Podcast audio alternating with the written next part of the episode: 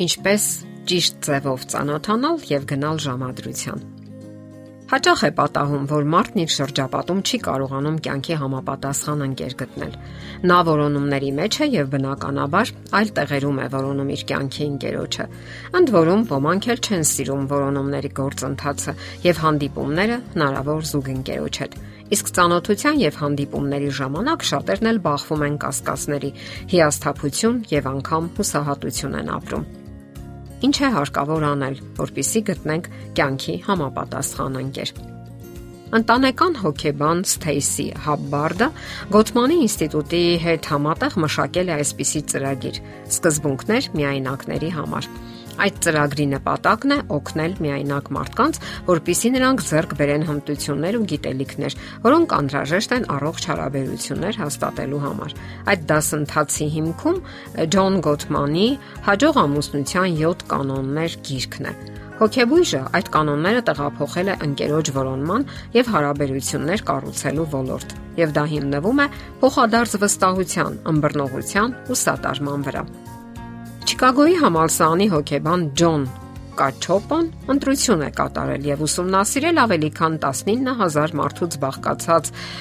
խումբ, որտեղ գտնվող մարդիկ ամուսնացել են 2005-ից 2012 թվականներն ընկած ժամանակահատվածում։ Նրանց 35%-ը ծանոթացել է սոցիալական ցանցերում, 14%-ը հանդիպել է աշխատավայրում եւ 12%-ը միմյանց գտել են ընդհանուր ծանոթների միջոցով։ Աճող զբաղվածության եւ ժամանակի անբավարար լինելու պատճառով կայքերն ու ծանոթությունների հավելվածները դարձել են ընկեր գտնելու հիմնական ուղին։ Սակայն դրա հետ մեկտեղ հարկավոր է հիշել նաև որոշ սահմանափակումների մասին։ Ամենից առաջ նշենք, որ ուսումնասիրության ժամանակ խոսքը անգլիալեզու լսարանի մասին է, որը հսկայական տարածք է ընդգրկում։ Հայաստանում այդ տարածքն այնքան էլ մեծ չէ եւ ընդ որում ուսումնասիրություններ չեն կատարվում։ Հայկական մշակույթը այլ չափանիշներ ու պատկերացումներ է ենթադրում Թեև աճող գլոբալիզացիայի արդյունքում նկատվում է համահարթեցում կապված սոցիալական կայքերի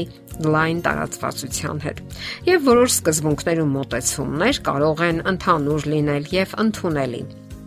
Կոլումբիայի համալսարանի բիզնես դպրոցի սոցիալական հոգեբան Շինա Այենգարը փորձ է անցկացրել, որի մասնակիցներին առաջարկել են մթերային խանութում ջեմ ընտրել։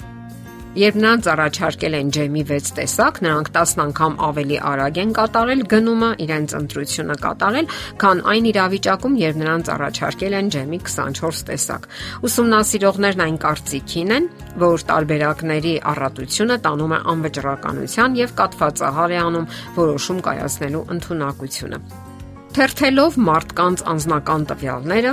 դուք ընկնում եք ընդհանուր գնահատական կարգացուցակի մեջ եւ սկսում եք համեմատել մարդկանց։ Դա ձեզ հարկադրում է դիտարկել մարդկանց որպես ապրանք, որը հարկավոր է ընտրել եւ օգտագործել, եւ չեք դիտարկում նրանց որպես մարդ, որոնց հարկավոր է ավելի մոտիկից ճանաչել ու հանդիպել։ Ահա թե ինչը պետք է հաշվի առնել ընտրություն կատարելու ժամանակ։ Սոցիալական հոգեբան Իլայ Ֆինքլը ուսումնասիրել է համատեղելիությունը հաշվարկող ժամանակակից ալգորիթմերը եւ հանգել այն եզրակացության, որ դրանք քիչ արդյունավետ են։ Նա կարծում է, որ չարժե կարճել իրեն նման մարդ գտնելու որոնումներից։ Հարկավոր է որոնել նրան, ով համապատասխանում է հարմար հարաբերությունների։ Ըստ հոգեբանի դա կարելի է գնահատել երկու չափանիշով՝ վստահելի հարաբերություններ կառուցելու հմտություն եւ նևրոզի նշանների բացակայություն։ Եթե դուք ծանոթացել եք որևէ մեկի հետ, շատ ժամանակ մի վատնեք գրառումների վրա։ Առավելագույն ժամկետը երկու շաբաթն է, որից հետո հարկավոր է հանդիպել։ Դեմ արդեմ հանդիպելը միակ եղանակն է՝ հասկանալու ապագա ունեք այդ անznավորության հետ, թե ոչ։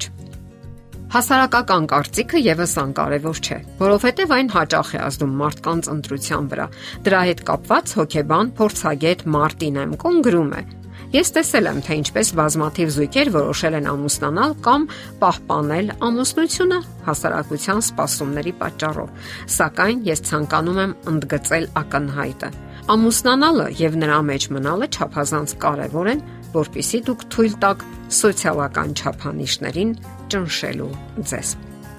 Հաշվի առնելով բոլոր փաստերն ու զգացումները, հարցրեք ձեզ. խելամիտ է արդյոք հրաապարակային եւ իրավաբանորեն պարտավորություն վերցնել ձեզ վրա, լինել կապված ամբողջ կյանքում։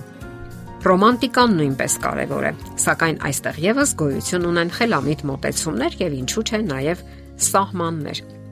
Ռոմանտիկ երջանիկ հարաբերություններն իհարկե կարող են բազմաթիվ դրական հույզեր ապարգևել եւ կարեւոր հուզական հոգեբանական ապաշար ապահովել յուրաքանչյուր մարդու կյանքում։ Դրանք օգնում եւ գեղեցկացնում են հարաբերությունները, բացահայտում լավ հեռանկարներ նրանց համար, ովքեր որոնումների մեջ են։ Սակայն այն դեպքում միայն, երբ հանդիպումներն ու հարաբերություններն ունեն հեռանկար ընդհանուր միություն հաստատելու համար։